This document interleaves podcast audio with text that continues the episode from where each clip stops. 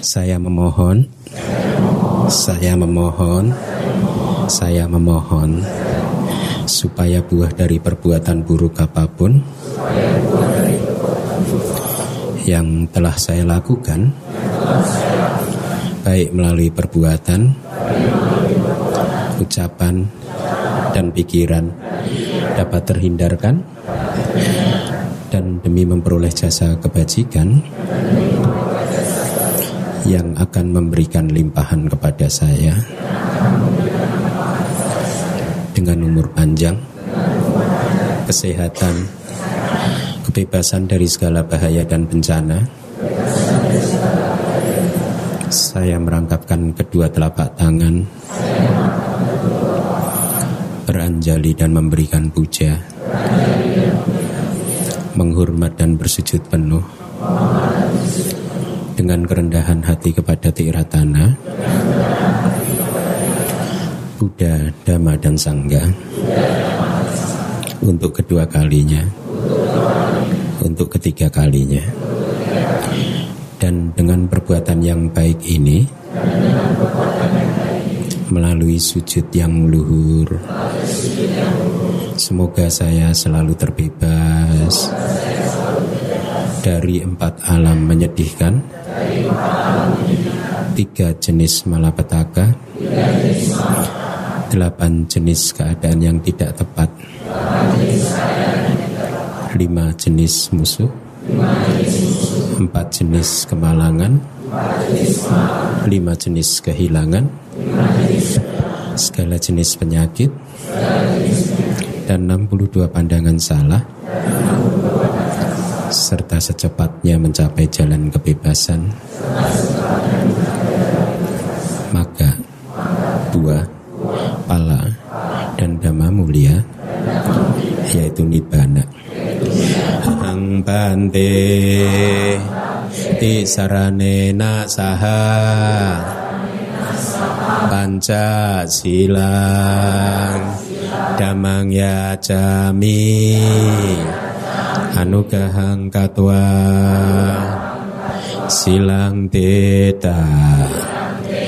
Me bante dutiyampi ahang bante ti saranena saha panca silang. Damang ya jami anugahang katwa silang teta. Me bante tatiyampi ahang bante ti saranena saha. Panca silang damang ya jami anugahang katwa silang teta me bante. Ya mahang wadami tang wadeta Namo tassa bhagavato arahato sama sambuddhassa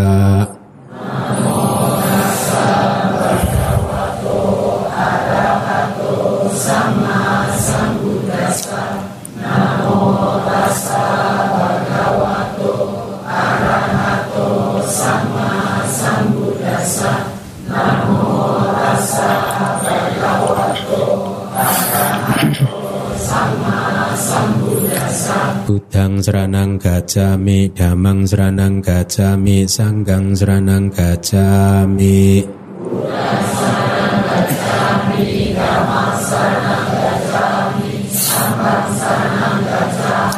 Dutiampi budang seranang gajami Dutiampi damang seranang gajami Dutiampi sanggang seranang gajami Dutiampi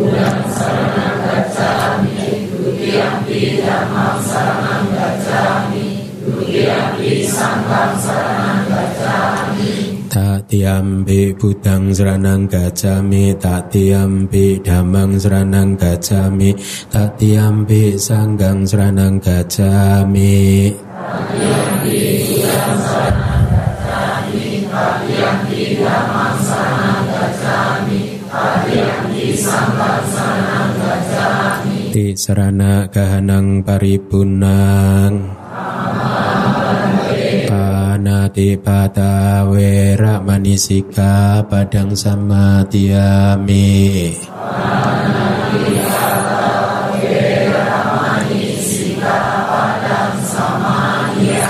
Adina dana wera manisika padang sama tiami Adina dana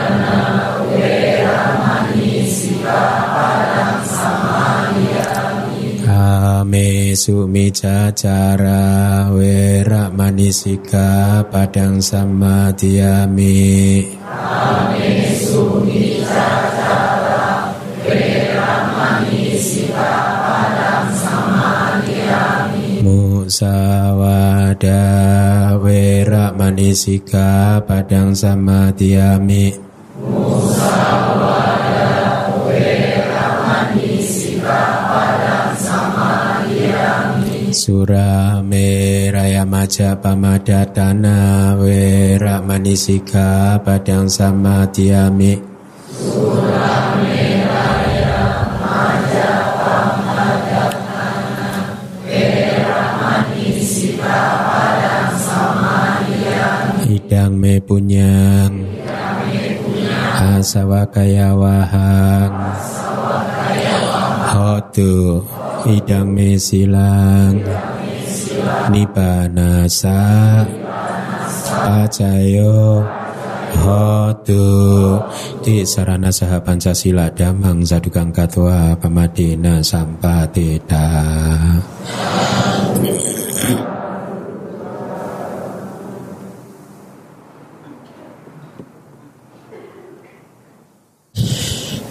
Baik, uh, selamat pagi semuanya. Ya, semoga Anda semua dalam keadaan yang baik, sehat, jasmani, sehat pikirannya juga. Uh, kita akan melanjutkan pelajaran kita uh, sudah tujuh kelas yang sudah kita lewati ya masih terus membahas tentang parami kesempurnaan ya uh, sangat bagus dan ini penting sekali materi yang sangat penting sekali karena kenapa penting? Karena 10 parami ini adalah 10 dhamma yang harus kita kembangkan ya yang harus kita latih di dalam kehidupan ini. Jadi kalau kita membuat skala prioritas di dalam kehidupan ini ada hal-hal yang sangat penting yang harus kita lakukan di dalam kehidupan kelahiran kita kali ini. Salah satunya ya parami ini ya. Uh, oleh karena itu menjadi uh, mutlak ya akan menjadi sangat bagus buat Anda kalau Anda benar-benar paham 10 parami itu apa ya. Anda pelajari pelaj uh, dipelajari ulang apa yang sudah disampaikan Kemudian secara perlahan-lahan mulai mengembangkannya. Kita semua, termasuk saya juga secara perlahan-lahan uh, terus-menerus mengembangkan dan saya selalu menempatkan bahwa ya uh, latihan-latihan seperti 10 parami ini adalah menempati skala skala prioritas yang utama di dalam kehidupan ini ya jadi seperti yang berkali-kali saya sampaikan banyak sekali manusia yang karena dia tidak mau belajar dhamma ya. Hanya mengandalkan pada pikirannya sendiri cara berbapa uh, opini-opininya sendiri pendapat-pendapat pribadinya sendiri. Dia akhirnya menghabiskan seluruh satu kehidupan ini kelahiran yang sangat berharga sebagai manusia kali ini hanya untuk mencari-cari apa yang benar dan apa yang tidak benar ya. Ini yang membuat saya uh, membuat akhirnya kehidupan orang-orang seperti ini terbuang dengan percuma anda kita semua tidak perlu mencari-cari, tidak perlu lagi mendefinisikan, tidak la, perlu lagi berteori tentang apa itu hal yang baik atau hal yang tidak baik, mana yang perlu dikembangkan dan mana yang tidak perlu dikembangkan. Kita tidak perlu mencarinya sendiri karena Buddha sudah menemukannya. Karena kitab suci kita sudah mencatat dengan sangat baik apa-apa saja yang disebut oleh Buddha itu kusala dhamma atau dhamma-dhamma yang baik atau aku salah dhamma atau dhamma-dhamma yang tidak baik. Kusala dhamma atau dhamma yang baik adalah sesuatu yang harus kita kembangkan. Aku salah dhamma adalah sesuatu yang tidak baik yang tidak harus kita kembangkan. Tugas kita pertama-tama adalah mengembangkan dulu hal yang baik sebelum akhirnya pada saat hal yang baik ini sudah berkembang dengan sempurna akhirnya kita mampu melampaui dualisme ini kita mampu melampaui sesuatu yang baik dan juga sesuatu yang tidak baik. Inilah yang terjadi pada batin atau uh, kualitas hati seorang arahat. Seorang arahat sudah melampaui perbuatan baik dan perbuatan tidak baik gitu ya. Inilah mengapa sejak menjadi atau mencapai tingkat kesucian kearahatan, beliau sudah tidak melakukan karma lagi. Karena akar dari karma sudah hancur ya. Jadi kelahiran beliau saat itu adalah kelahiran yang terakhir. Kematian beliau tidak diikuti lagi dengan kelahiran yang baru lagi. Karena tidak ada kelahiran maka sudah tidak ada lagi penderitaan yang menyertai karena penderitaan akan selalu menyertai kelahiran. Karena kita sudah mengambil kelahiran di kehidupan yang saat ini maka kita harus siap-siap untuk membayar harga yang kita ambil dari kelahiran ini. Ya ini apa uh, sekumpulan penderitaan, kesulitan, ketidak uh, senangan kita terhadap situasi ini, situasi itu dan lain sebagainya itu adalah konsekuensinya. Ya, jadi sekali lagi 10 parami adalah dhamma-dhamma yang menempati prioritas yang utama yang harus kita kembangkan. Oleh karena itu hafalkanlah ya. Nah, kita sudah sampai di parami ke-8. Berarti sudah tujuh dari sepuluh parami kita pelajari ya.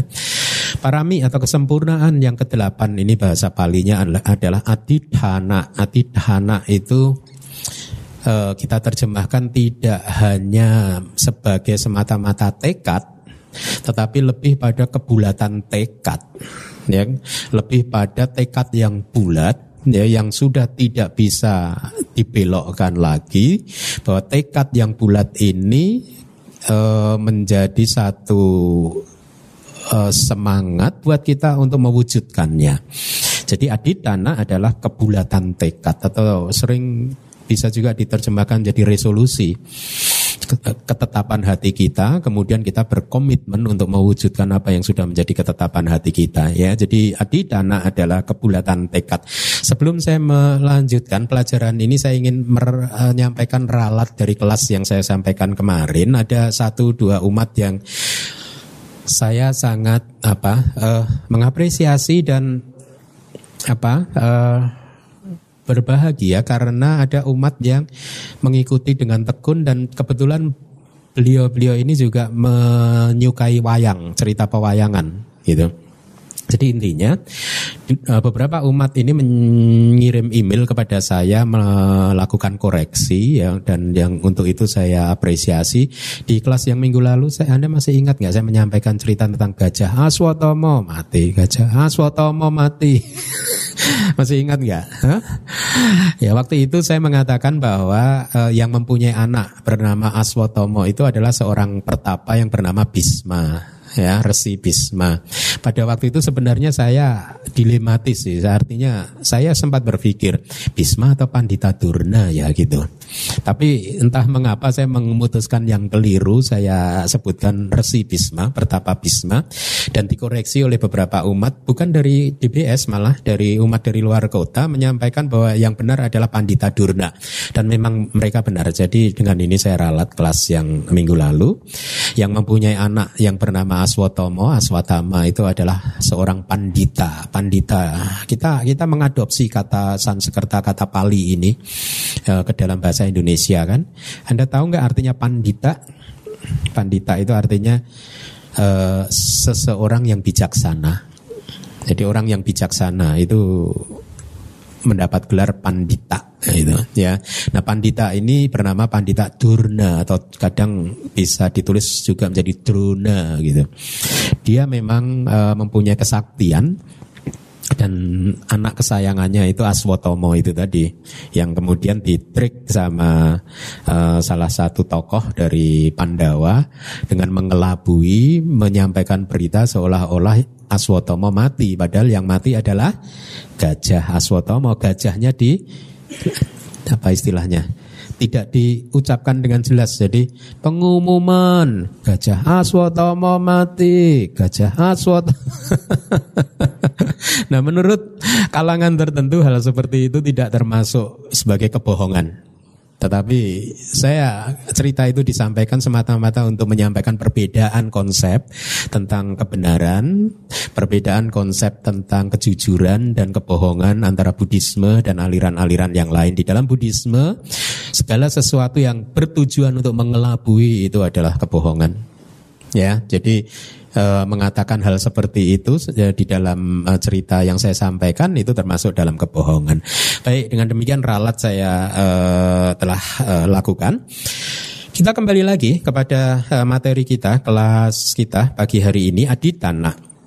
Jadi tekad yang bulat untuk melakukan sesuatu dan kita benar-benar e, memegang tekad tersebut kemudian berjuang untuk mewujudkannya. Itu namanya adidana, tekad yang kuat gitu, ya. Dalam konteks uh, bermeditasi bodhisatta sebelum mencapai penerangan sempurna juga mengucapkan adidana kan? Saya tidak akan bangkit dari tempat meditasi saya ini ya.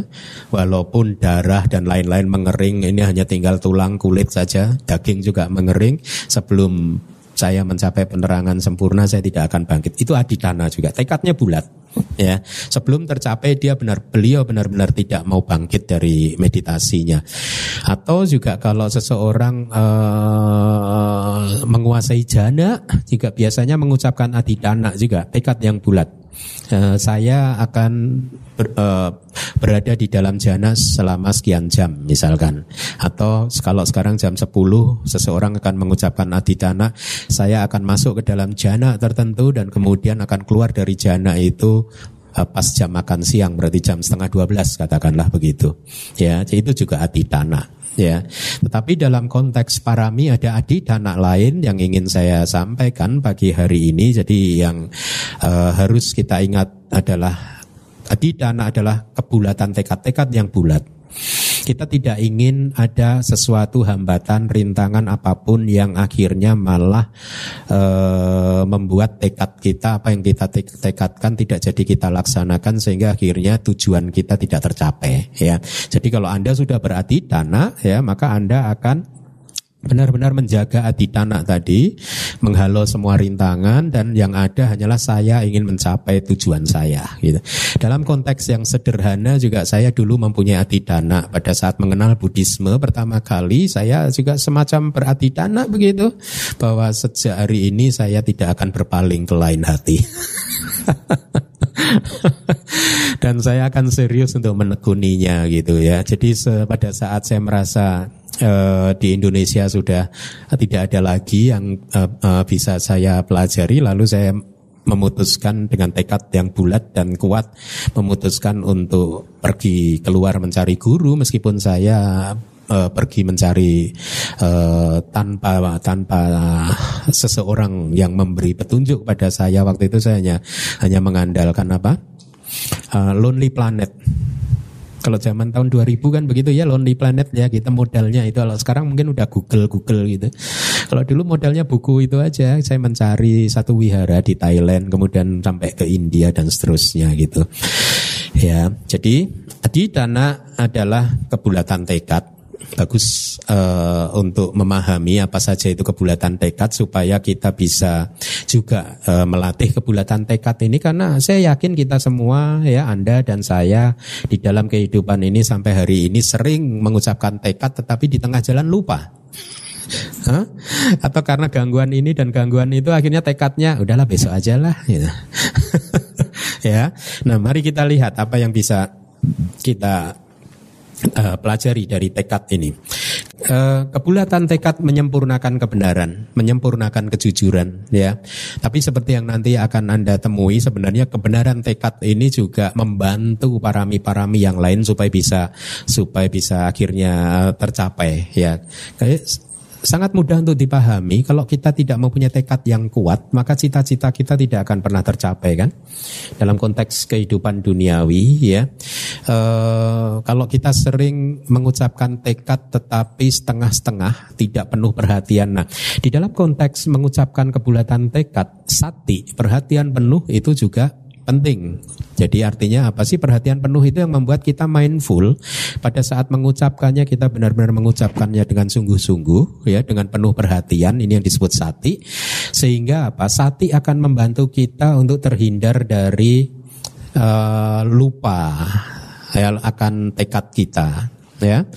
Uh, Bukankah begitu? Seringkali di dalam kehidupan kita sudah bertekad ingin melakukan sesuatu, bercita-cita ingin uh, apa? Uh, mengejar uh, cita-cita kita, tetapi di detik-detik terakhir cita-cita itu berubah.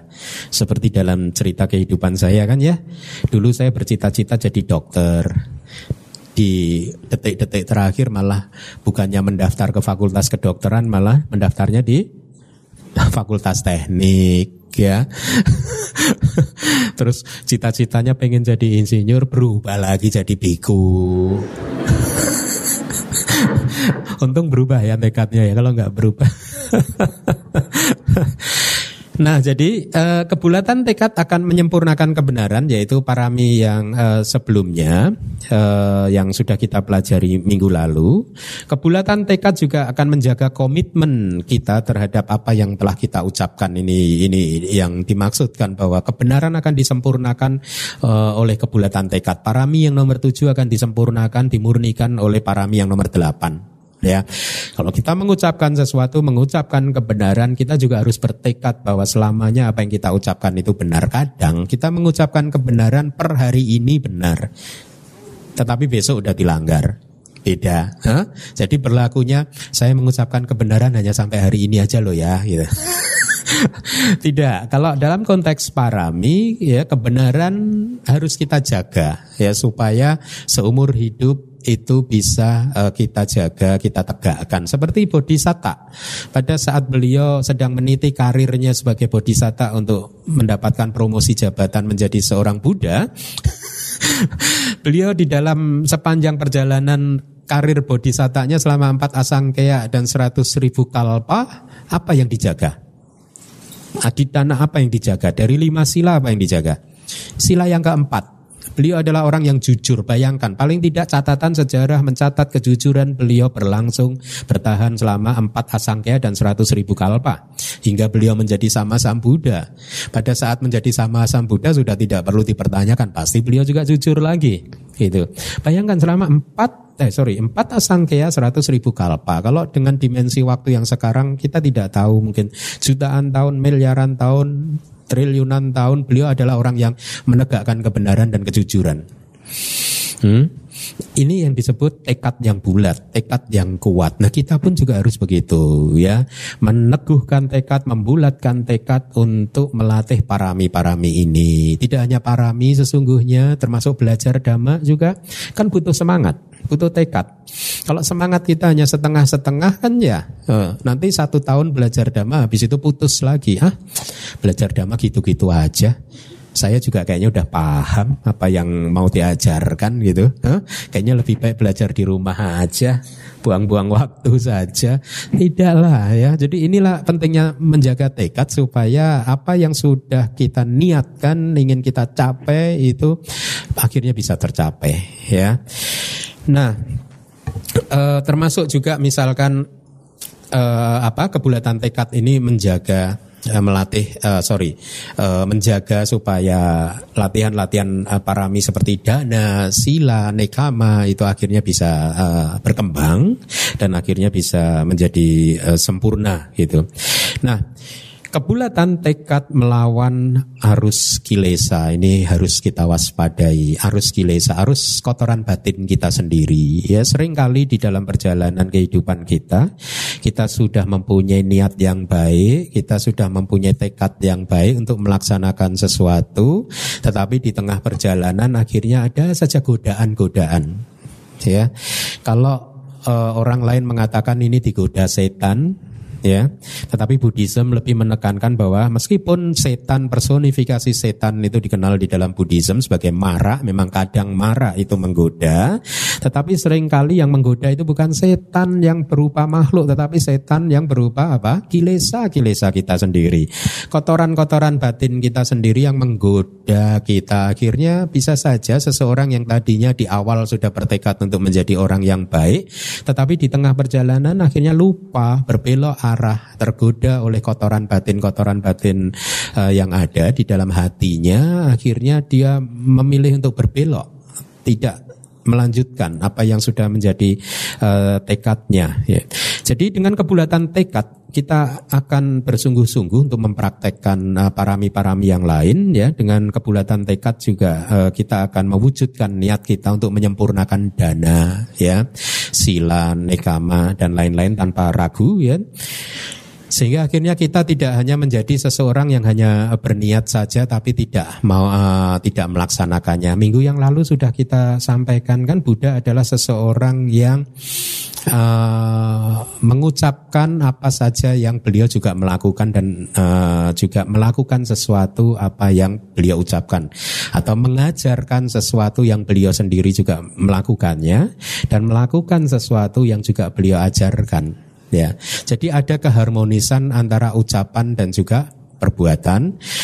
Keharmonisan ucapan dan perbuatan itu akan menjadi sempurna kalau juga itu didukung oleh keharmonisan di dalam pikiran kita. Jadi apa yang kita pikirkan itu juga apa yang kita ucapkan dan juga merupakan apa yang kemudian uh, kita lakukan. Jadi Kebulatan tekad melawan arus kilesa sering kali di dalam uh, melakukan perbuatan baik seperti misalkan katakanlah berdana ya. Ada saja gangguan-gangguan dari kilesa kita untuk kemudian mulai menggunakan pengetahuan-pengetahuan kita, hati-hati dengan pengetahuan-pengetahuan kita. Minggu lalu mungkin saya sudah sampaikan bahwa pengetahuan atau panya atau kebijaksanaan itu harus diseimbangkan dengan sat ya dengan keyakinan ya. Tidak boleh uh, salah satu itu melebihi yang lain. Ya karena efeknya apa? Mari kita lihat. Seseorang yang mempunyai sadda lebih tinggi keyakinan itu uh, sangat kuat sementara kebijaksanaan tidak mampu mengimbanginya akhirnya orang seperti ini menjadi apa? Keyakinannya kuat tetapi kebijaksanaannya tidak mampu mengimbanginya ya. Uh, volumenya lebih sedikit dibandingkan uh, sadanya apa yang terjadi? Orang-orang yang mempunyai sadda seperti ini dan tidak diimbangi dengan kebijaksanaan serta pengetahuan atau panya mereka akan menjadi orang-orang yang apa? Terlalu mudah percaya dan akan menjadi orang yang apa? Memiliki keyakinan buta Fanatik, ya betul, fanatik ya. Sehingga akhirnya apa?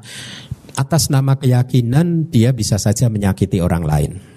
Nah kalau Buddhism enggak, seandainya saja, seandainya saja ya uh, uh, ada orang lain mengatakan kepada anda bahwa Buddhism mengizinkan anda untuk menyakiti makhluk lain gitu ya Eh, tetapi karena Anda mempunyai pengetahuan yang cukup, mempunyai kebijaksanaan yang cukup, akhirnya ya uh, meskipun Anda melihat contohnya, oh itu ada seorang pemuka agama Buddhis atau seorang biku melakukan perbuatan yang menyakiti makhluk lain, berarti Buddhisme mengizinkan itu perbuatan seperti itu, tetapi karena Anda ada keseimbangan antara keyakinan dan pengetahuan, ada keseimbangan antara keyakinan dan kebijaksanaan, maka Anda akan memanfaatkan pengetahuan dan kebijaksanaan Anda untuk mulai berpikir apakah benar Buddhism mengizinkan kita untuk menyakiti makhluk lain, ya, dan Anda pun pengetahuan Anda akan memberitahu Anda bahwa tidak ada satupun tempat di dalam Buddhisme, di dalam Tripitaka Buddha mengajarkan kepada kita untuk menyakiti makhluk lain dengan alasan-alasan apa pun gitu ya. Nah, oleh karena itu, keyakinan sada dan juga panya harus diseimbangkan. Karena kalau sada terlalu tinggi akan membuat kita menjadi seorang yang fanatik, ya, sehingga disenggol sedikit saja akan bereaksi. Tetapi kalau panya kita, pengetahuan kita lebih banyak dari keyakinan kita, lebih banyak dari apa uh, sada kita, apa yang terjadi?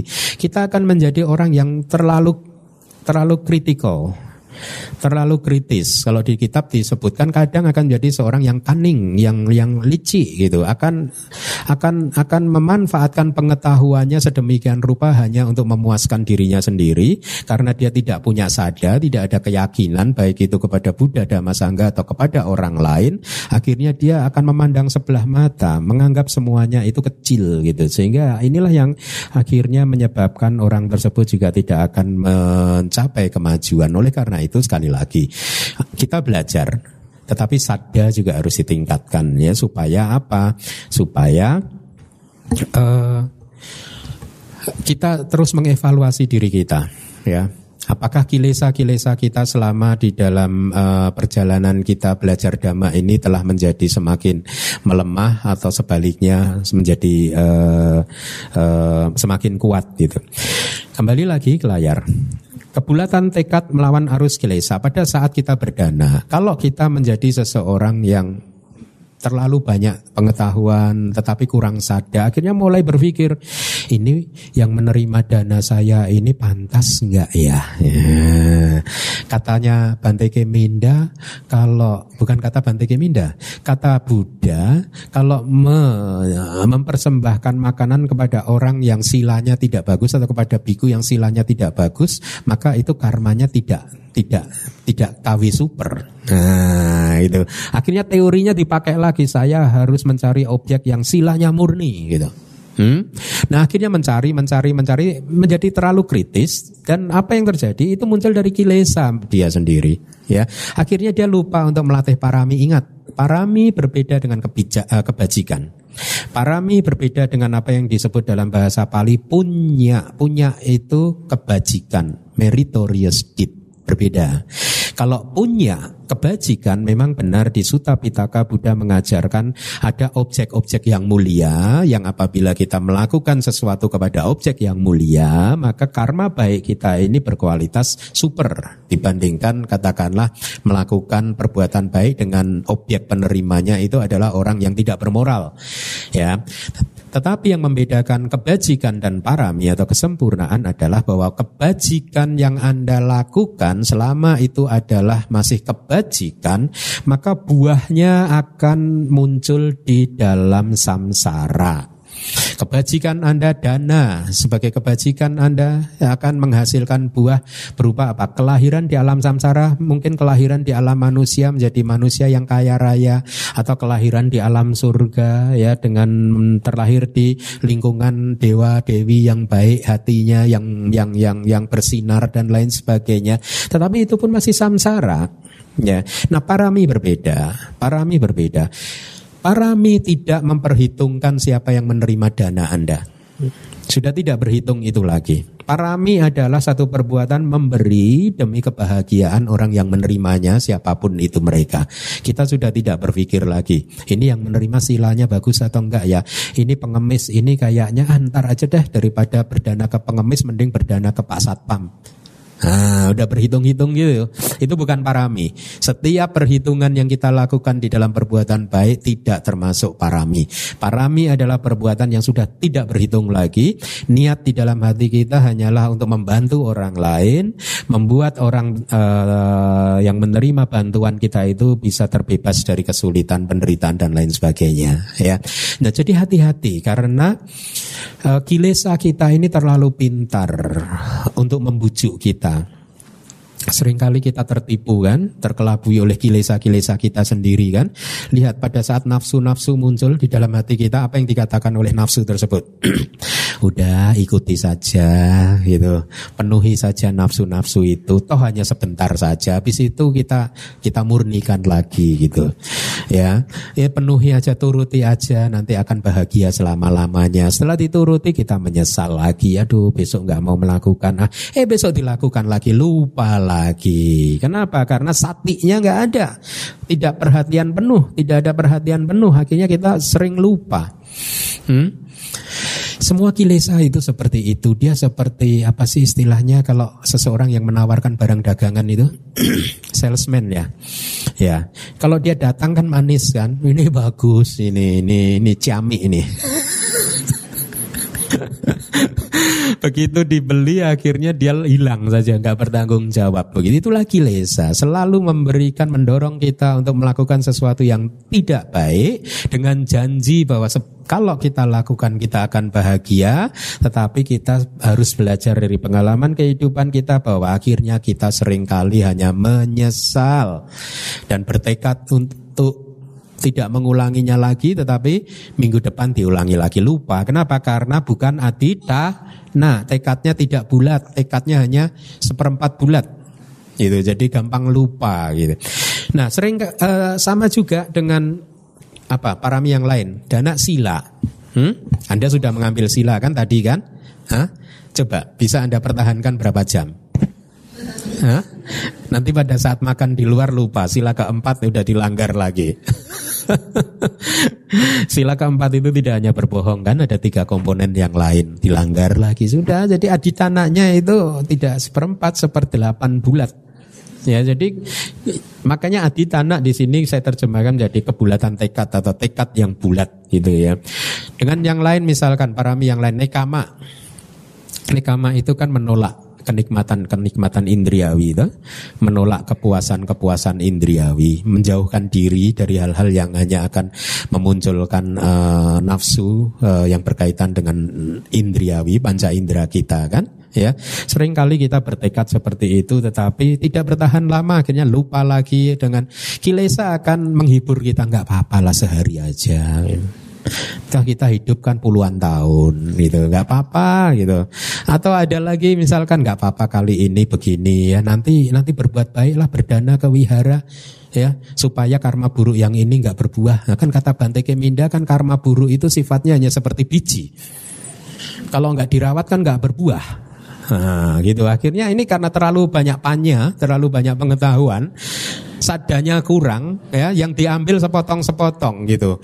Enggak apa-apa lah karma buruk dilakukan sebentar-sebentar aja sedikit-sedikit. Habis itu nggak usah kita rawat. Nah, emang kita tahu. Kalau benar kita nggak merawatnya terus bagus gitu. Tapi kita kan juga sering lupa lagi kan. Akhirnya membentuk satu kepribadian kita. Nah ada satu cerita yang menarik. Ini terjadi eh, benar-benar terjadi pada tahun kalau saya tidak salah 2004 itu terjadi di Myanmar. Jadi waktu itu saya masih di bawah bimbingan guru saya ya. Kebetulan karena dulu saya itu kan awalnya hidup saya itu selalu mengalir. Saya tidak pernah dari awal tidak pernah berencana menjadi biku. Bahkan pada waktu bertapa itu juga tidak ada rencana menjadi biku. Saya hanya suka meditasi pada saat itu. Jadi pada saat keluar negeri pun pada awalnya tujuan saya hanya bermeditasi gitu. Nah, jadi saya pada saat sebelum menjadi biku, saya berkenalan dengan satu rombongan Buddhis, eh, bukan Buddhis, tapi mereka juga sama-sama menyukai meditasi rombongan ini adalah uh, dari Australia.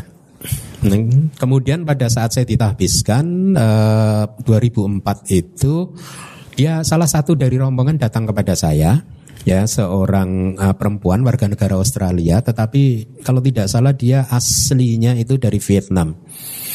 Nah, dia datang kepada saya menyampaikan problem kehidupannya. Problem kehidupannya dia ini jujur sekali. Bamte, saya itu punya masalah. Masalah saya itu kikir. Oh, bagus kan? Dia mengakui apa eh, kekurangannya. Saya ini sangat kikir gitu. Jadi menurut dia eh, cerita dia, dia tidak pernah bisa merelakan satu sen uangnya itu untuk orang lain gitu. Jadi sangat berat untuk berdana gitu. Ya. Tetapi dia mempunyai tekad ingin berubah. Cuman caranya bagaimana? Dia ingin menjadi orang yang murah hati, yang gampang berdana, gitu. E, karena menurut dia dia sudah mempunyai sadar bahwa berdana itu adalah latihan yang paling mendasar di dalam Buddhism, tetapi dia tidak bisa melakukannya. Dia dia selalu mengatakan e, sangat berat untuk melepaskan kepemilikannya, gitu. Satu dolar saja berat. Waktu itu saya uh, kalau tidak salah dia menyampaikan hal seperti itu. Uang yang kecil saja itu berat buat dia untuk dilepaskan untuk orang lain gitu. Nah dia bertanya kepada saya apakah ada cara yang cukup efektif untuk untuk apa melatih supaya dia bisa menjadi seorang yang murah hati. Akhirnya saya sampaikan begini aja sister coba.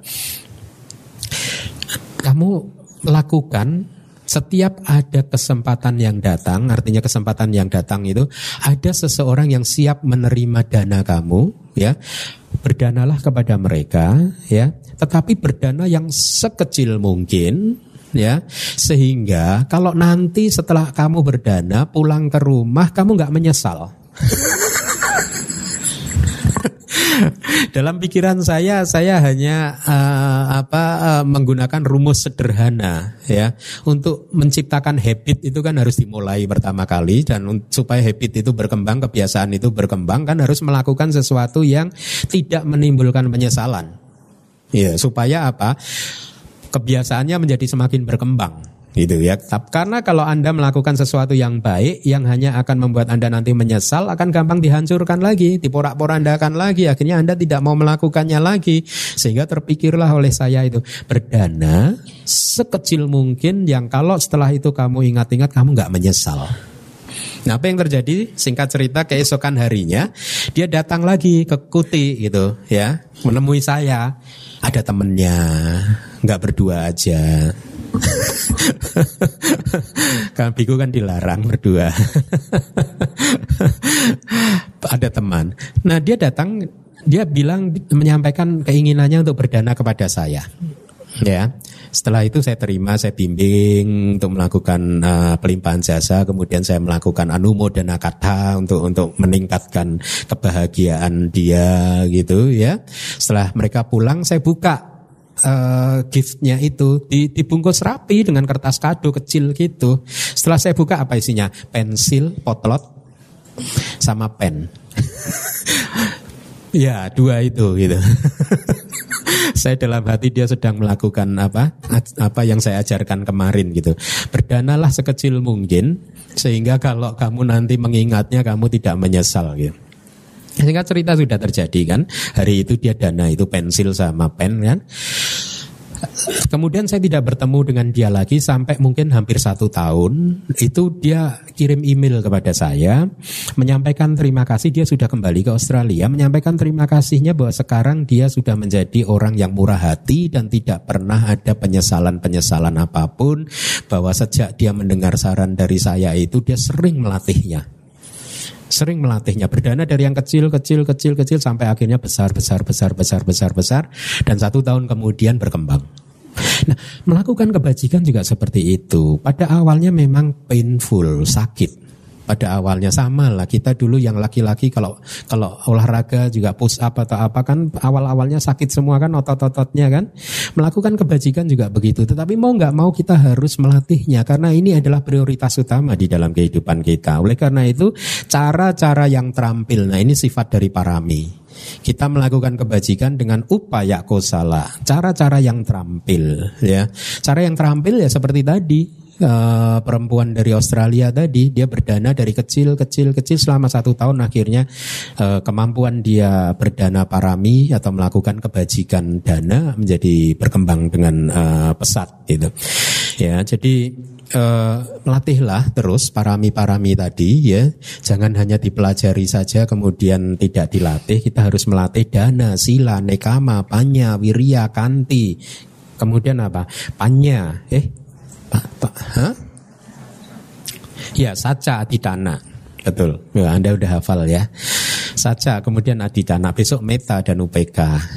Yang dua lagi.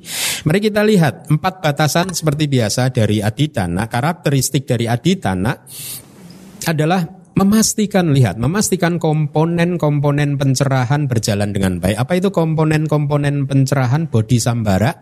Komponen-komponen pencerahan ya parami yang lain. Jadi karakteristik dari aditana itu memastikan latihan atau latihan mengembangkan parami yang lain itu menjadi sempurna.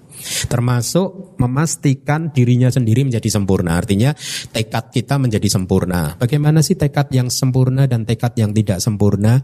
Tekad yang tidak sempurna ya seperti tadi, seperdelapan tekad tadi. Tekadnya tidak bulat. Hari ini bertekad, besok dilanggar. Hmm? Kalau kebulat ya akhirnya kita perbaiki lagi ya. Kemudian besok bertekad lagi dua hari kemudian dilanggar lumayan ya. Terus tekad lagi tiga hari baru dilanggar lumayan makin panjang makin ya. Nah kita harus harus harus, harus mengembangkan itu semua ya. Nah uh, jadi lihatlah uh, apa peran penting dari adidana atau kebulatan tekad di dalam membantu semua parami-parami atau memastikan semua faktor di dalam parami yang lain itu akhirnya bisa berkembang dengan baik. Fungsinya adalah untuk mengatasi kondisi-kondisi yang merintangi atau menghalangi. Seperti tadi mau mau melatih dana parami tiba-tiba ingat teori. Ya teorinya aduh ini kayaknya nggak bermoral ini. Ya carilah tetangga sebelah yang lebih bermoral. Nah ya jadi itu kilesa, kilesa, kemelekatan, pelekatan terhadap teori-teori kita sendiri ya. Jadi hati-hati dengan pikiran kita, dijaga pikiran kita. Kalau Anda sudah mau melatih dana parami, buang semua rumput liar di dalam hati kita. Pokoknya saya hanya mau menyumbang saja. Saya mau hanya mau berdana saja gitu. Jangan jangan pernah berpikir kayak ada seseorang yang bertanya kepada saya, e, di dalam uh, saya sering didatangi seseorang yang meminta sumbangan ini sumbangan itu begitu. Tetapi saya curiga sepertinya dia ini berbohong gitu ya. Jadi kemudian saya sampaikan sejauh mana Anda pasti bahwa Anda tahu dengan pasti bahwa dia berbohong. Jangan-jangan itu hanya dugaan-dugaan saja yang merupakan kilesa. Jadi akhirnya saya sampaikan kalau Anda ingin berdana pada waktu itu berdanalah. Dan tapi itu buahnya baik atau tidak baik nanti gitu. KW super atau tidak gitu. Atau KW 3, KW 2 gitu. Enggak jangan berpikir tentang buah. Ya. Jadi waktu itu juga saya sampaikan udahlah dana yang kecil-kecil aja gitu. Kalau kalau itu pikirannya masih berat ya dana yang seperti tadi saran saya kepada perempuan Australia tadi dana berikanlah sumbang berikan sumbangan tersebut tetapi yang tidak membuat anda menyesal. Karena ini pasti ini bibit Kebiasaan ini akan berkembang makin lama akan makin sempurna, makin sempurna sehingga kita akan gampang sekali melepas. Ingat bahwa kebahagiaan kita, kebahagiaan Anda hanya akan tercapai kalau fondasinya kuat yaitu fondasinya apa? Bahwa kita sudah mulai mempunyai sedikit keinginan. Sedikit keinginan itu terjadi pada saat ego kita juga mengecil, pada saat pelekatan, attachment kita terhadap harta benda atau apa pun itu juga mulai melemah. Di situlah ada kebahagiaan. Seringkali kan guru-guru meditasi mengatakan pada saat Anda melepas sedikit, Anda akan bahagia sedikit. Kalau melepasnya lebih banyak sedikit, Anda juga akan bahagia lebih banyak sedikit. Anda melepas makin banyak, Anda akan bahagia makin banyak. Nah, kita harus mempunyai sadar terhadap hal seperti itu. Ya, karena ini adalah prioritas yang utama, berdana, ya kan karena uh, kondisi-kondisi yang merintangi itu tidak hanya pikiran-pikiran kita atau dalam bahasa Pali takak-takak itu itu kalau kalau di abidama ditambahi wi jadi witaka gitu. Jadi pikiran-pikiran yang menurut kita rasional taka gitu. Seringkali kita terjebak oleh pikiran-pikiran kita sendiri kan. Dan hati-hati sadarilah bahwa kita masih punya kilesa. Saya Anda semua masih punya kilesa dan sadarilah bahwa kilesa itu selalu saja mengatakan bahwa kita sudah benar. Padahal belum benar. Pikiran yang muncul dari batin yang masih penuh dengan kilesa tidak bisa dipercaya. Oleh karena itu kita belajar aja dari dari teladan dari kitab suci kita, ya kita latih berdana, sila kita latih, nekama juga kita latih dan uh, seterusnya. Nah kondisi-kondisi yang merintangi uh, antara lain kemalasan misalkan, Ya sering kan ya kita uh, timbul rasa malas akhirnya kalau pagi hari harus bermeditasi gitu. Sering kali malas ya kalau kita lagi sakit, badan sedang tidak sehat, ada aja alasan akhirnya untuk tidak bermeditasi pagi hari ya. Kalau Apalagi misalkan setiap minggu kita mendengarkan dhamma ada saja alasan-alasan lagi yang merintangi ya karena kemalasan atau keraguan-raguan ya ragu sebenarnya ini benar nggak sih yang diajarkan oleh Bante Keminda ini jangan-jangan bukan dari Buddha. Nah, kilesa kan begitu, benar nggak dari Buddha gitu. Nanti begitu dari Buddha beneran, benar nggak sih Buddha ini tercerahkan? Ada saja pertanyaan-pertanyaan. Karena kita melekat kepada teori-teori kita, ya, terlalu banyak berpikir, terlalu banyak uh, logika gitu. Mari kita lanjutkan uh, manifestasi dari adidana atau kebulatan tekad adalah kualitas-kualitas yang luhur ya. ya artinya apa ya contohnya misalkan kesabaran ya adidana akan memurnikan tidak hanya parami-parami yang persis sebelumnya yaitu apa tadi e, saja kebenaran tetapi dia memastikan juga parami yang lain itu menjadi berjalan dengan baik akhirnya kita menjadi manusia yang luhur karena sifat dari mereka yang paraminya bagus adalah keluhuran hatinya. Ya, contoh salah satu contohnya kesabaran, kanti. Ya kanti parami kita akan kita akan menjadi manusia yang sangat sabar. Ya, ingat nggak uh, di kelas pada saat kita membahas tentang kesabaran itu ada seorang murid Buddha yang ditanya dites oleh Buddha, kemudian uh, ditanya kira-kira bagaimana kamu menghadapi seseorang yang uh, mencaci maki kamu? Hmm? Jawabannya selalu positif. Oh, dia orang baik kok Buddha. Orang baik dia hanya mencaci maki saja. Dia tidak apa tidak memukul dan seterusnya kan selalu berpikir positif menahan uh, segala sesuatu dengan penuh kesabaran. Kalau orang Jawa dulu kakek nenek kita itu mengajarkan untuk selalu bersyukur dengan cara untung gitu. Jadi kalau dulu kalau kita masa kecil itu ya kalau anak kecil itu berlari-lari di halaman kemudian jatuh lututnya lecet itu kakek nenek kita untung yang lecet hanya lututnya gitu. Nah, kita diajarin begitu gitu. Untung siku tangannya nggak apa-apa gitu. Nanti kalau lutut kaki dan uh, siku tangan lecet untung hanya kaki dan tangan kepalanya nggak apa-apa gitu. Nanti kalau kepalanya lecet untung masih hidup jadi untung terus, nggak ada ruginya. Jadi ajaran-ajaran yang sederhana seperti itu itu ternyata melatih kesabaran kita dan membuat kita untuk menjadi semakin uh, positif ya. Kemudian uh, sebab terdekatnya adalah uh, kejujuran. Ya kita harus jujur bahwa kita sudah mengucapkan tekad dan kebenaran, kejujuran itu kan aspeknya yang lain adalah kebenaran kan. Kalau kita sudah mengucapkan tekad, maka kebenaran ini harus kita jaga supaya tidak runtuh. Apa yang sudah kita tekadkan tidak boleh menjadi bengkok kembali. Nah ini membutuhkan kejujuran supaya kita tidak mudah tergoda hari ini mengucapkan kebulatan tekad, besok kita langgar lagi. Ya.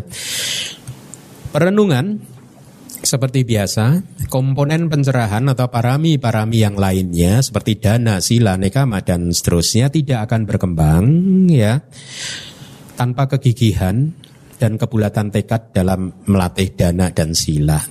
Jadi artinya apa? Pada saat kita bertekad kita benar-benar harus menjaganya dan ingat pada tekad kita bahwa minggu pagi saya sudah mengambil sila dari Bante Keminda dan saya akan menjaganya selama satu minggu. Ya, uh, supaya uh, sampai minggu depan lagi gitu. Minggu depan ambil lagi dijaga lagi sehingga akhirnya seumur hidup Pancasilanya tidak pernah dilanggar gitu. Nah, kemudian komponen pencerahan atau parami-parami yang lainnya tidak akan bisa berkembang tanpa upaya dari kita untuk uh, menjaga tekad uh, supaya tidak goyah ketika menghadapi situasi sulit. Ya sering kali kan kita tergoda pada saat situasi-situasi sulit datang di dalam ke dalam kehidupan kita, akhirnya kita mengizinkan pelanggaran-pelanggaran sila, ya. Kita mengizinkan perbuatan-perbuatan yang tidak baik lagi uh, yang lainnya dan seterusnya gitu. Jadi uh, kita uh, harus menjaga tekad kita ya terutama pada saat situasi itu uh, sedang tidak baik biasanya akan banyak godaan dari setan-setan yang disebut kilesa-kilesa kita sendiri itu kotoran batin kotoran batin kita sendiri ya. Nah uh, jadi dari semuanya ini yang terakhir tanpa konsistensi dan komitmen untuk melatihnya ya. Jadi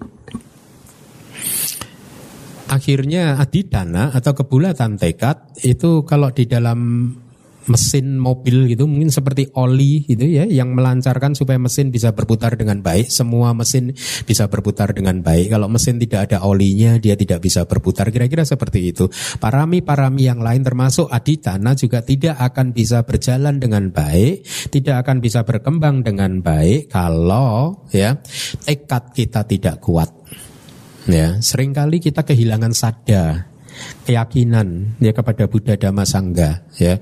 Akhirnya apa? Karena kehilangan keyakinan akhirnya apa yang sudah kita latih sejak kecil jadi berbelok arah ya jadi kita melanggar ini melanggar itu gitu nah dengan terus menerus mengingat apa pun yang sudah kita pelajari semua yang sudah kita pelajari ya kita akan terus menerus memperbaiki uh, diri ya supaya uh, semakin hari menjadi uh, semakin sempurna latihan uh, latihan kita gitu. Mari kita lanjutkan. Ini istilah baru mungkin buat kelas ini ya, uh, duniawi dan adi duniawi.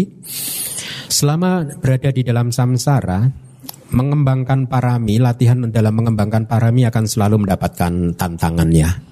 Ya, seperti halnya misalkan dulu bodhisatta itu selalu digoda oleh mara. Ya, Salah satu uh, definisi dari mara adalah kilesa yang sudah saya sampaikan.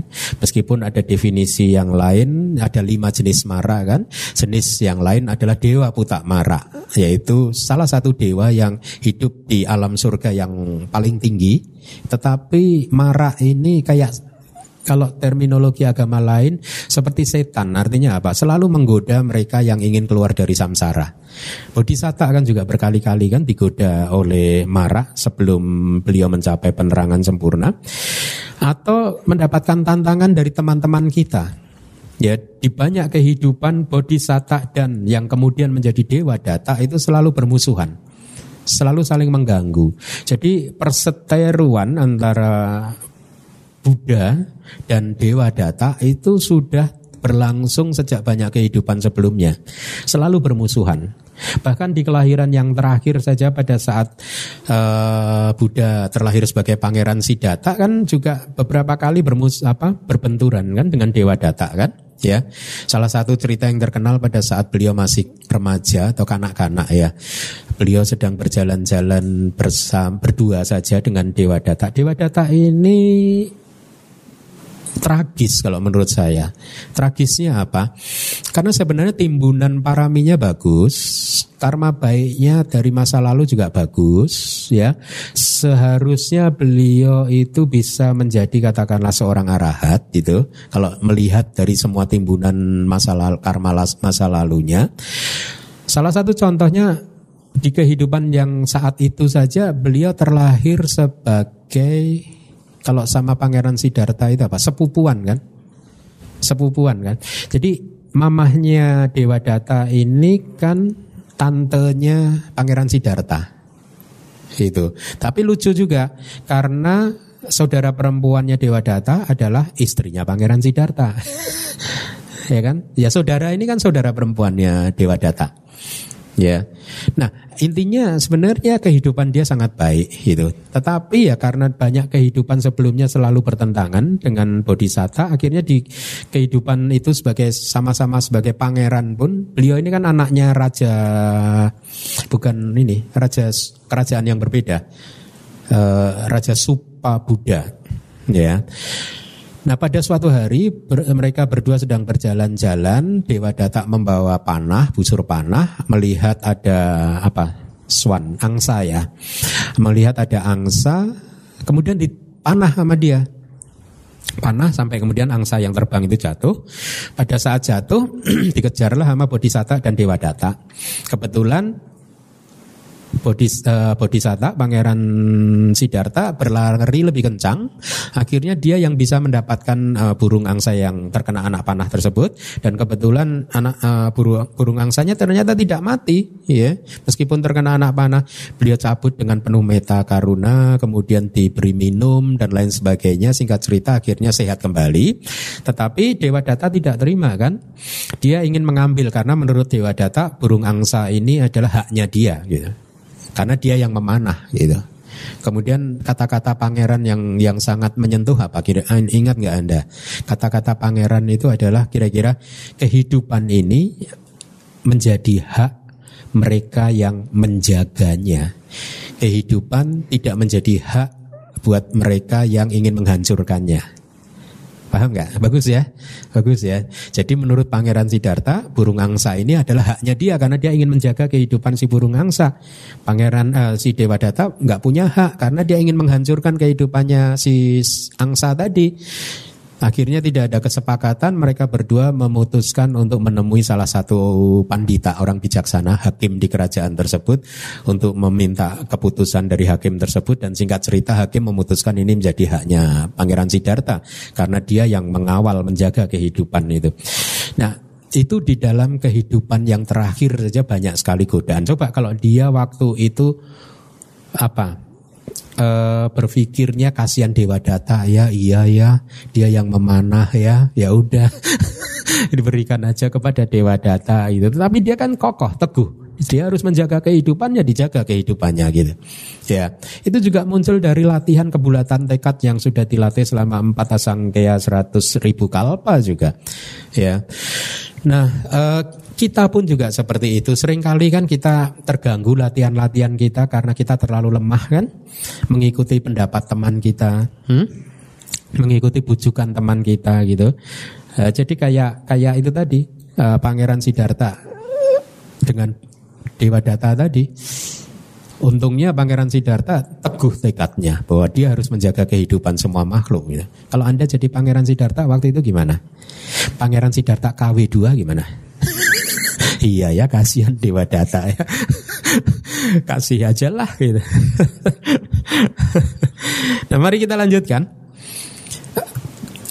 Aku salah dhamma selalu berlawanan dengan aku salah dhamma. Itu yang dimaksud uh, saya akan jelaskan nanti.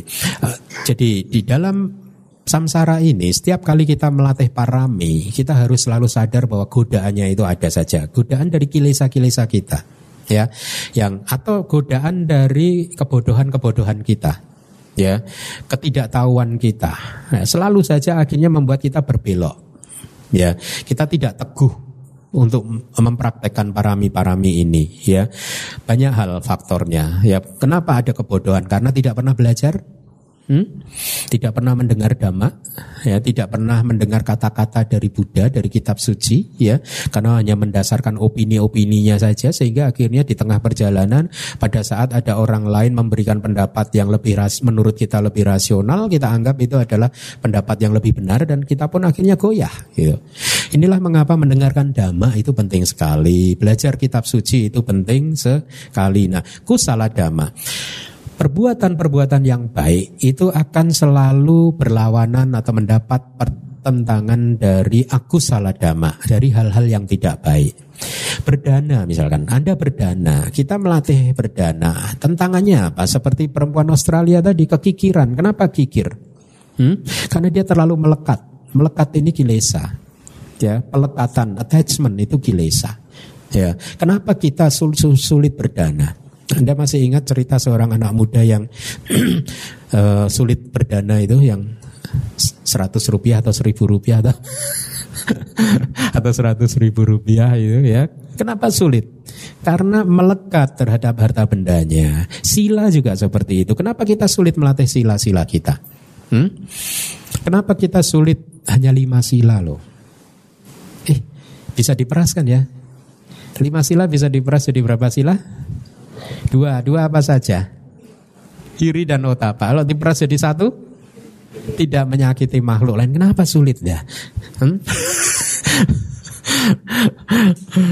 nah, uh, jadi akan selalu ada, tidak mudah untuk mengembangkan parami karena kilesa-kilesa kita akan selalu menghambat. Oleh karena itu aditana menjadi penting sekali. Mengembangkan aditana, membesarkan tekad kita supaya bulat bahwa saya akan menyingkirkan semua ganggu gangguan rumput liar rumput liar di tengah perjalanan yang akan mengganggu perjalanan saya. Tujuan saya bulat di dalam kehidupan ini adalah berdana. Tujuan saya bulat di dalam kehidupan ini adalah mengembangkan sila dan seterusnya, nikama dan seterusnya gitu ya. Nah, di atas ada kata-kata duniawi dan adi duniawi. Duniawi itu artinya apa? Duniawi ini merujuk kepada tadi kalau kita melakukan kebajikan, maka efek dari kebajikan tersebut masih bersifat duniawi, seperti kelahiran di alam yang baik itu masih duniawi, ya. Terlahir di surga, kalau Anda menjadi umat Buddha hanya bercita-cita untuk terlahir di surga, Anda mendigrit Buddhisme ya Buddhisme memang benar terlahir di surga itu baik tetapi itu bukan tujuan akhir di dalam Buddhisme ya karena di surga pun masih ada penderi penciptaan. Tujuan kita adalah untuk keluar dari surga. Eh, sorry, keluar dari samsara. keluar dari samsara. Nah, perbuatan baik apa pun itu juga selama itu masih bersifat kebajikan, belum bersifat parami, maka sifatnya masih duniawi. Ya, adi duniawi itu melampaui dunia, keluar dari samsara, melampaui dunia akhirnya masuk ke nibana. Ya, untuk bisa masuk ke nibana yang dilatih haruslah parami. Yang membedakan parami dan kebajikan biasa adalah lima faktor. Anda masih ingat kan di pelajaran kelas yang lalu lima faktor itu apa saja? Perbuatan itu terbebas dari loba, keserakahan, pandangan salah, kesombongan, ya. Kemudian perbuatan itu didorong oleh belas kasih, ingin membuat makhluk lain terbebas dari penderitaan dan menggunakan cara-cara yang baik. Jadi lima faktor ini yang akhirnya membuat perbuatan baik kita tidak menjadi kebajikan tetapi menjadi parami ya. Nah, Tadi di awal juga sudah saya katakan bahwa pada awalnya kita harus melakukan perbuatan baik terus uh, dulu ya. Untuk kemudian perbuatan baik itu menjadi kuat bunga-bunga di dalam dalam taman hati kita menjadi kuat. Akhirnya apa? Uh, bunga-bunga di dalam dalam uh, taman hati menjadi kuat sehingga akhirnya kita akhirnya timbul niat tidak hanya berdana dan menjaga sila saja tetapi akhirnya melatih meditasi. Sehingga akhirnya pada saat mencapai jalan dan buah maga dan pala akhirnya meditasi kita membuat kita keluar dari uh, samsara. Pada saat itulah sebenarnya keduanya dhamma yang baik dan tidak baik hancur sehingga inilah yang terjadi pada batin seorang arahat. Seorang arahat sudah tidak bisa lagi melakukan karma. Perbuatannya sudah bukan karma lagi sehingga perbuatannya tidak bisa di atau tidak bisa menghasilkan efek, menghasilkan uh, buah ya. Tetapi untuk bisa sampai kepada tahapan menghancurkan keduanya, kita harus merawat bunga-bunga di dalam taman hati kita. Sifat-sifat baik parami ini harus kita kembangkan. Baik, sedikit lagi. Ini istilah yang sangat bagus kalau Anda hafalkan itu bagus bahasa Pali. Laba sakara silok, siloka terdiri dari tiga kata benda. Laba itu keuntungan material, keuntungan keuntungan materi. Ya. Jadi kalau Anda bekerja, bisnis Anda ber, uh, mendapatkan keuntungan yang besar itu laba. Bahasa Indonesia juga ada kan laba kan sama ya. Nah, bahasa Palinya begitu laba ya ya. Nah, sakara, sakara itu penghormatan. Anda menerima penghormatan. Kalau Anda bekerja dengan baik, Anda adalah orang yang murah hati, Anda akan dihormati oleh teman-teman Anda.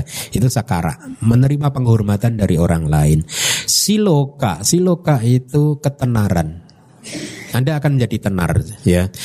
Dikatakan di dalam teks tiga hal ini adalah gangguan yang terbesar buat manusia biasa di dalam proses mengembangkan parami. Kalau Anda adalah seorang yang murah hati dan lain sebagainya, biasanya yang murah hati bisnisnya lancar. Hmm? Waduh mendengar begini akhirnya jadi murah hati ini nanti. Nanti kalau sudah lancar nggak murah hati lagi gitu. bisnisnya.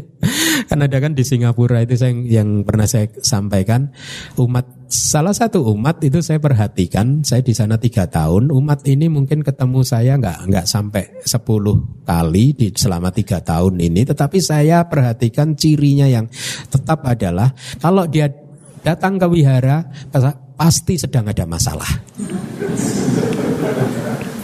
Saya hafal kalau dia datang nih pasti nanti setelah makan minta ketemu saya ini. Bener selalu nggak sampai 10 selama tiga tahun ini gitu. Akhirnya saya godain, nah, saya udah tebak loh. Begitu melihat kamu pas kebaktian tadi saya udah nebak pasti kamu mau ketemu saya. iya Bante lagi. Ini bisnis lagi sepi Bante. Iya kamu kalau ke biara kan cuman kalau bisnisnya lagi sepi kan. Kemarin nggak ke biara bisnis lancar. Iya lancar sibuk Bante sibuk sibuk Bante. Sebenarnya sih pengen ke biara tapi sibuk Bante. Itu. Nah ini pumpung lagi nggak sibuk. Saya bilang kamu itu memberi contoh yang nggak baik loh kepada teman-teman kamu ya. Nanti kan teman-teman itu umat-umat yang lain itu kan mikirnya oh berarti orang-orang tuh persepsinya kalau ke wihara itu hanya pas kalau ada masalah ya. Berarti supaya saya nggak dicap oleh tetangga-tetangga saya kan tetangga suka nanya kalau keluar rumah mau ke mana Ci ke wihara nah, jangan-jangan mereka mikir saya sedang ada masalah ya gitu akhirnya nggak mau ke wihara nah.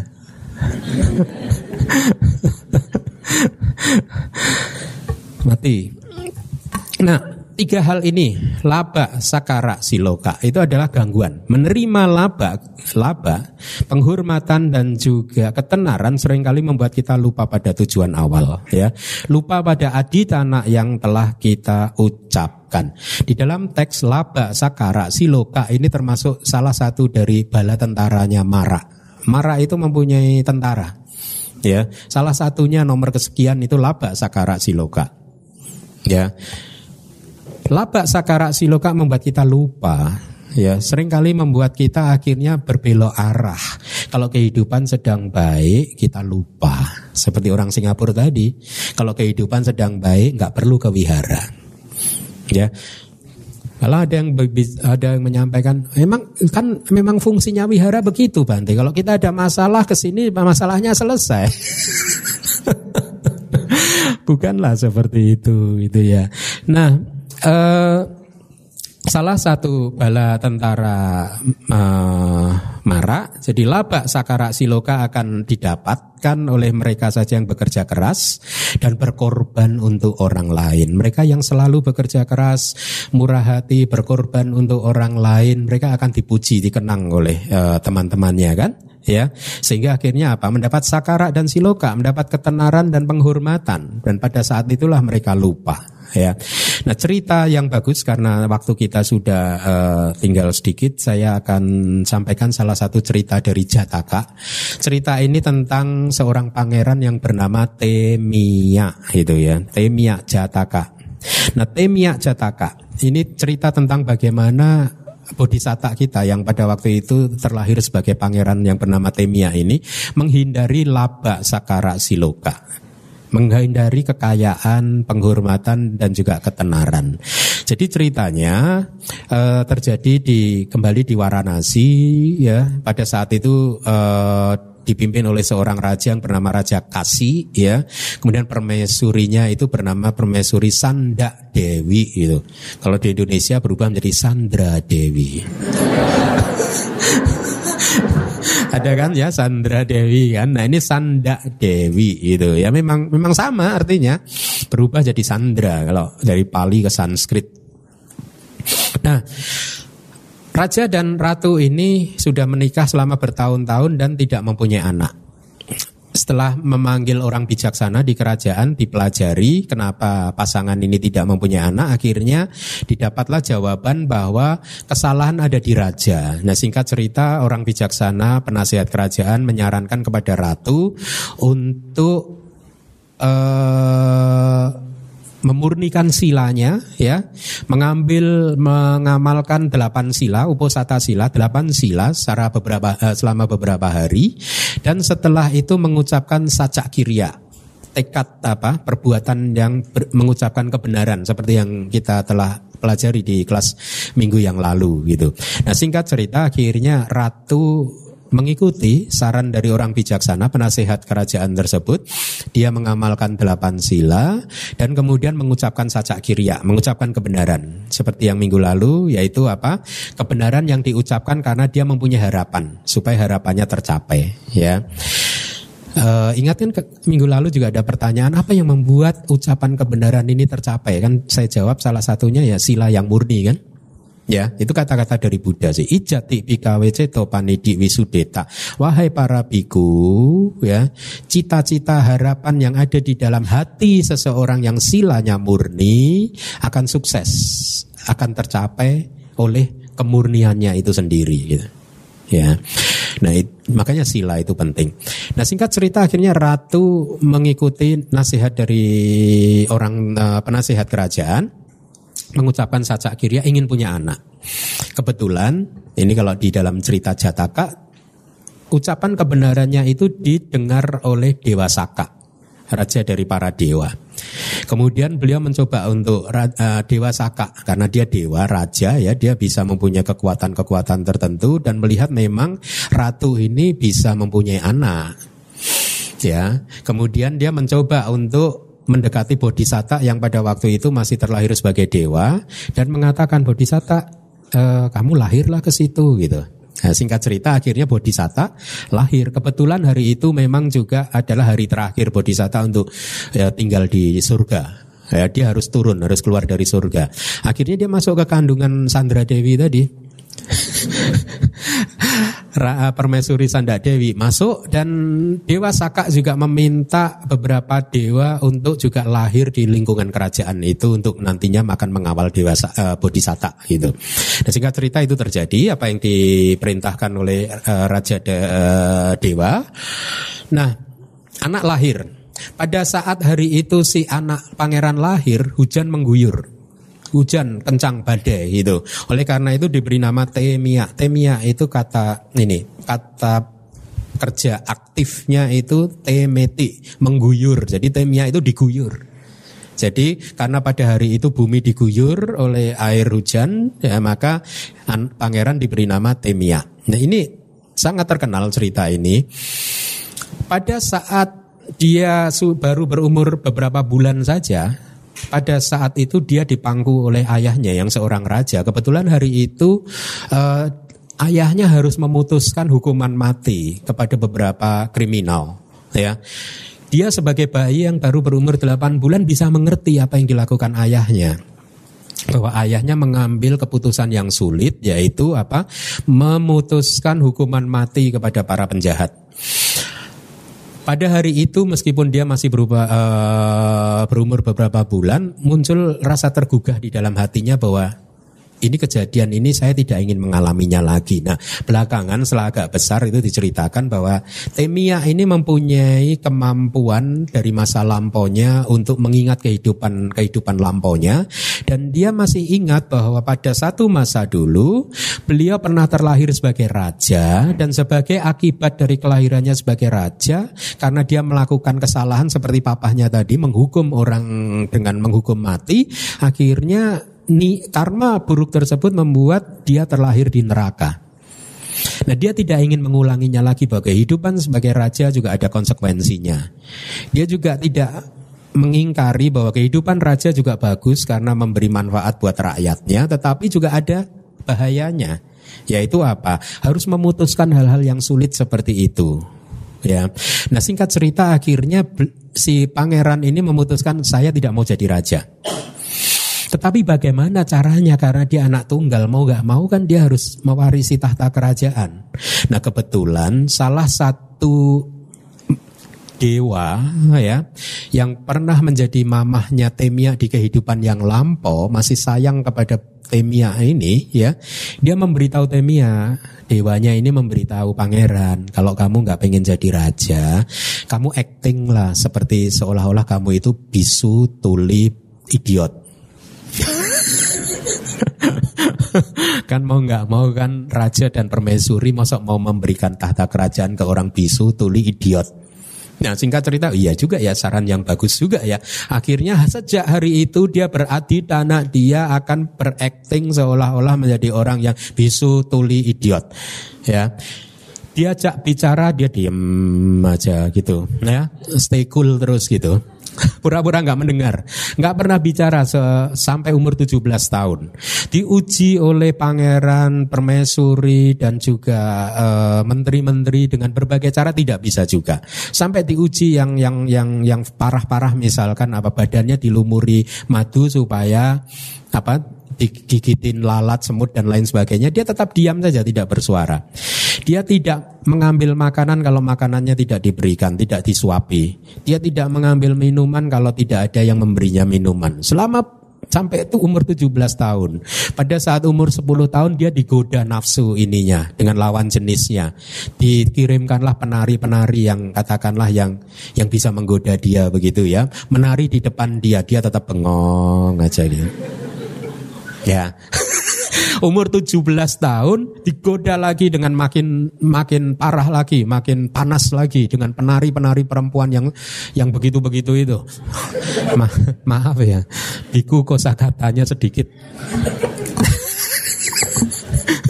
Pokoknya yang begitu-begitu. Tetapi Pangeran Temia tetap diam. Jadi sampai umur 17 tahun tidak pernah keluar suara dari mulut dia. Dia pura-pura bisu, tuli dan bodoh. Itu. Nah akhirnya kan raja kan ya udah kalau begini nggak bisa. Udah umur 17 masih seperti ini ya sudah. Uh, dikubur hidup-hidup saja. Kan karena penasehatnya memberitahu raja ini kalau didiamkan akan berdampak buruk buat kerajaan. Maka dia harus dikubur aja dikubur hidup-hidup gitu. nah raja memutuskan ya sudah dikubur hidup-hidup. Tetapi ratu menangis mengingatkan pada raja bukankah dulu sebelum lahir kamu telah berjanji akan memberikan kerajaan ini kepada anakmu? Nah orang dulu kalau janji harus dipenuhi kan? Ya nggak nggak kayak orang sekarang Dipenuhilah ya sudah, saya penuhi tahta kerajaan, saya berikan kepada pangeran selama tujuh hari. Setelah tujuh hari saya ambil lagi gitu. Nah itu cara untuk memenuhi janji. nah singkat cerita, selama tujuh hari itu enam hari enam malam Ratu Permaisuri menangis di depan Temia, mengungkapkan isi hatinya. Yolah kamu bicaralah ini itu ini ini. Gak ada yang tahu bahwa dia acting saja. Ya nggak ada yang tahu. Singkat cerita sampai hari ketujuh tetap tidak berbicara. Akhirnya dibuanglah dia mau dikubur. Ya suruh pengawal kerajaan, dan dia kubur aja, dibawa keluar kerajaan di perbatasan kerajaan, kemudian pada saat digali tiba-tiba dia langsung berdiri dan berbicara, wahai pengawal, terima kasih kamu telah membawa saya jauh dari papa mama gitu. Saya sebenarnya selama 17 tahun ini hanya acting saja gitu. Sekarang tinggalkan saya, saya ingin jadi pertapa saja gitu. Dan dia masuk hutan jadi pertapa, pengawalnya pulang ke kerajaan memberitahu raja dan permaisuri bahwa pangeran ternyata acting saja. Akhirnya dikejar ya dikejar kan masuk hutan ditemuin lagi pada saat itu si pangeran Temia pertapa Temia memberi damatok kepada orang tuanya. Happy ending story raja permaisuri jadi pertapa juga. Ya. Nah poin yang ingin saya sampaikan di sini begitulah bahwa laba sakara siloka itu bisa menjadi gangguan di dalam mempraktekkan uh, dhamma untuk keluar dari samsara. Seperti saya saat ini, Dulu saya waktu dulu di luar negeri pengennya jadi biku hutan. Tapi sekarang begitu pulang ke Indonesia malah hutannya uh, hutan. Ini hutan ini. Hah? Lupa lagi dengan tujuan awal lagi. Kenapa? Karena ada laba, sakara, siloka. Saya dapat nih sekarang ini. Dapat laba, dapat sakara, dapat siloka. Lupa. Enggak, enggak lupa sebenarnya saya. Ingat, cuman keadaan saat ini harus begini ya sudahlah. nah jadi itulah uh, kalau kita sudah mengucapkan tekad kita harus terus menjaganya ya temia jataka dan dengan menjaganya maka kita akan semakin fokus pada tujuan kita. Kita akan selalu ingat bahwa di dalam kehidupan ini ada tujuan-tujuan yang lebih penting ya dari semuanya itu yaitu apa? Mengembangkan parami. Itu haruslah menjadi prioritas utama. Harta, benda, kekayaan dan yang lain-lain itu sekunder. Ya, kalau diharuskan memilih lebih baik kehilangan harta benda atau menegakkan parami, pilihlah untuk menegakkan parami. Ya, dan nanti harta bendanya ya nggak apa-apa, silanya dimurnikan. Kan kata-kata Buddha begitu. Ijati bikawe cetopani di wisudeta, wisudata Wahai para biku, apa yang menjadi cita-cita harapan kita di, uh, di dalam hati seorang yang silanya murni akan sukses dan terpenuhi oleh kemurnian silanya. Jadi kalau Anda menegakkan parami, mengembangkan parami, sila Anda murni, jangan pernah khawatir dengan kehidupan ini, jangan pernah khawatir dengan samsara. Anda sudah berada di jalan yang benar. Ya, terima kasih. Sadu, sadu, sadu. Terima kasih Bante atas damai sesananya. Para umat yang mau bertanya silakan. Oh ya.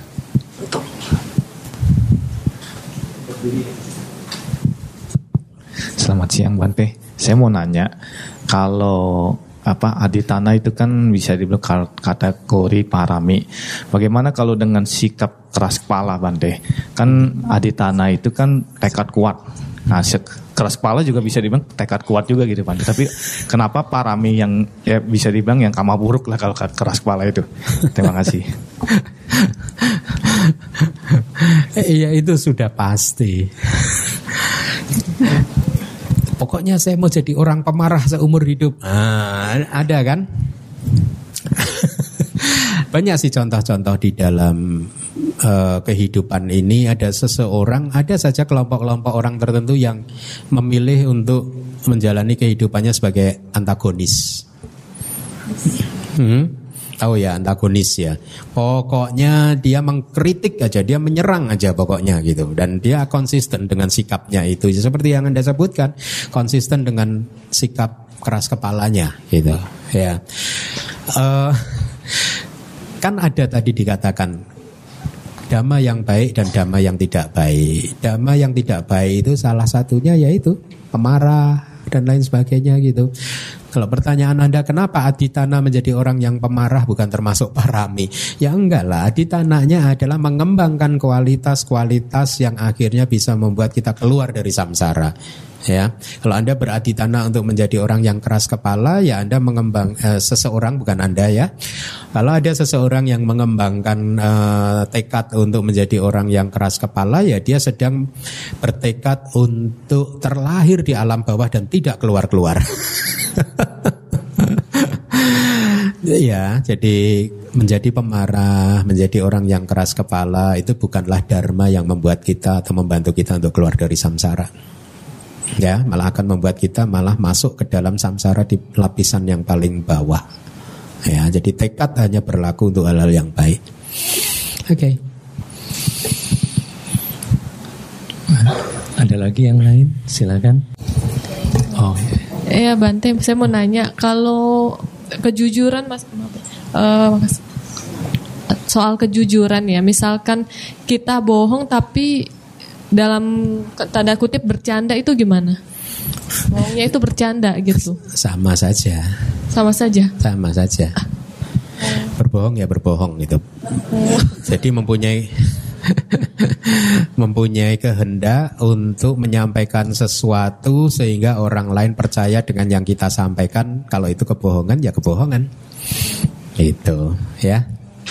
Ya, itu definisinya menyam, uh, mempunyai kehendak Kemudian kita sampaikan kehendak kita dengan harapan orang lain mempercayai apa yang kita omongkan. Kalau isinya adalah kebohongan ya kebohongan berarti.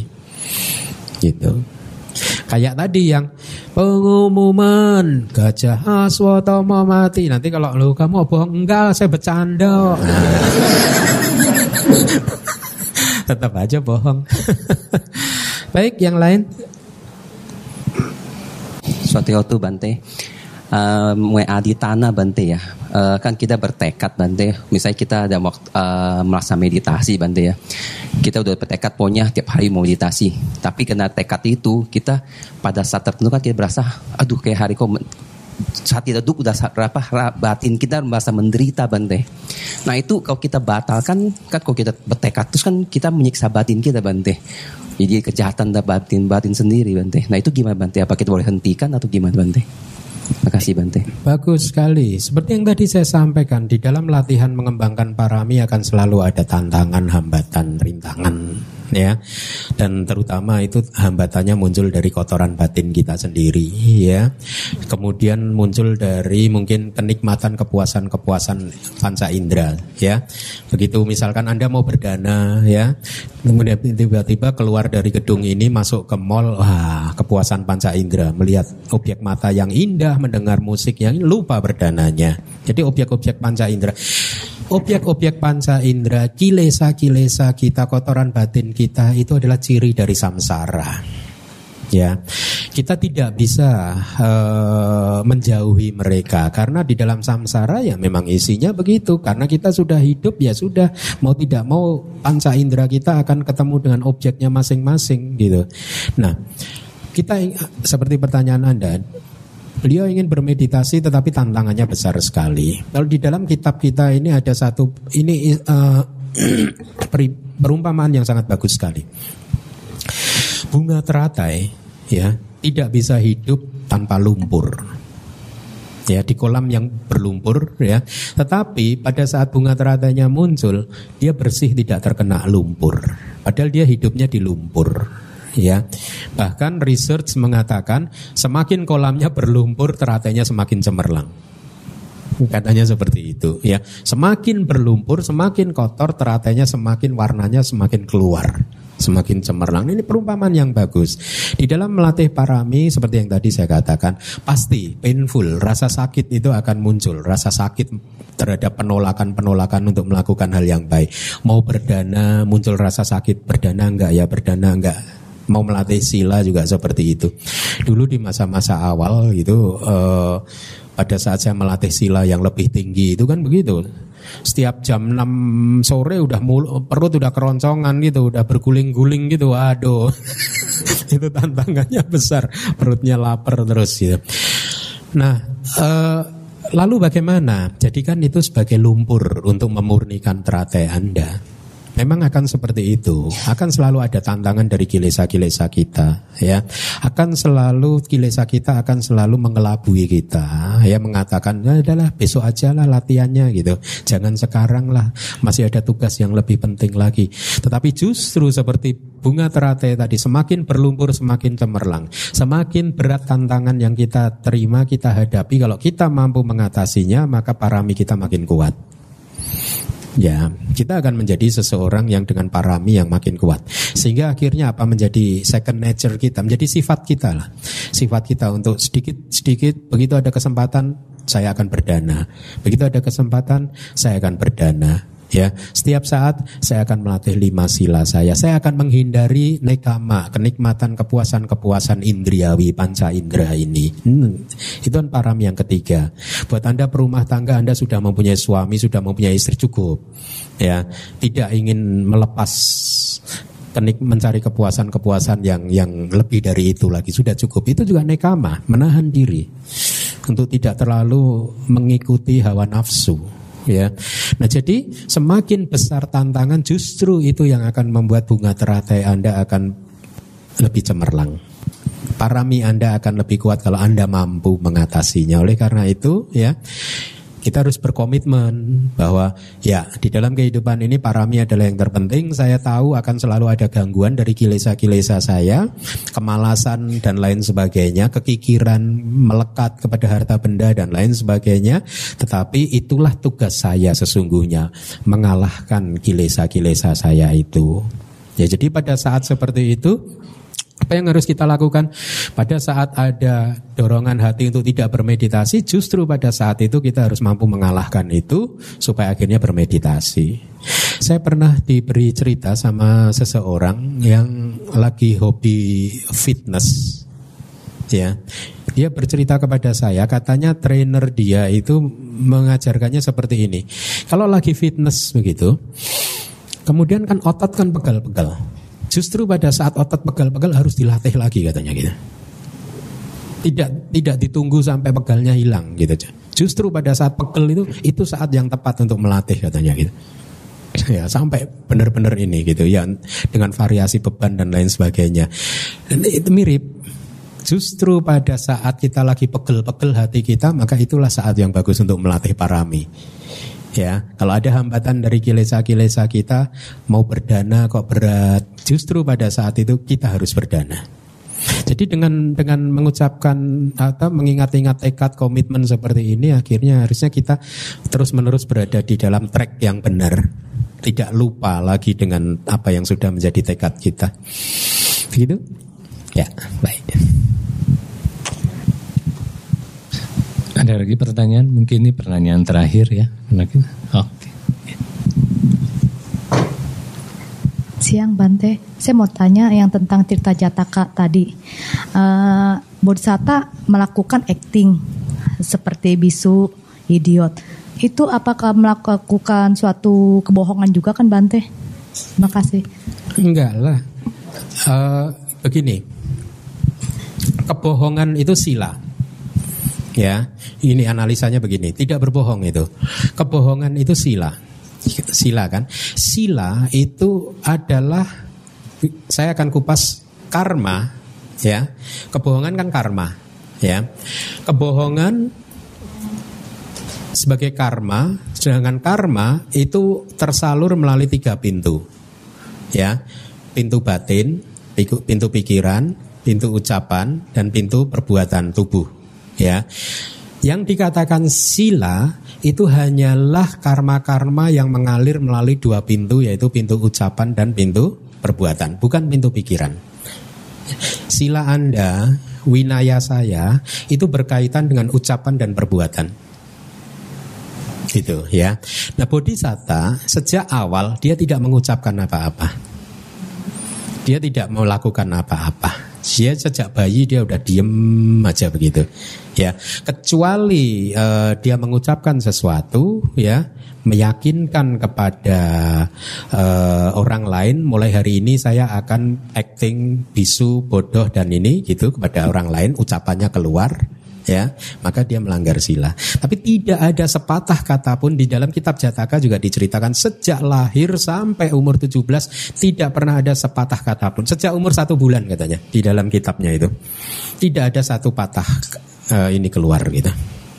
Jadi apa yang dilakukan oleh Temia Jataka uh, Pangeran Temia itu bukan termasuk dalam kebohongan ya karena kebohongan itu tercapai pada saat dia tersalurkan melalui pintu karma ucapan ya oke okay. atau bisa juga pintu karma tubuh dengan menulis itu tapi biasanya dianggap kebohongan itu melalui pintu karma ucapan ya bagus bagus bagus, bagus. Terima kasih Bante ya.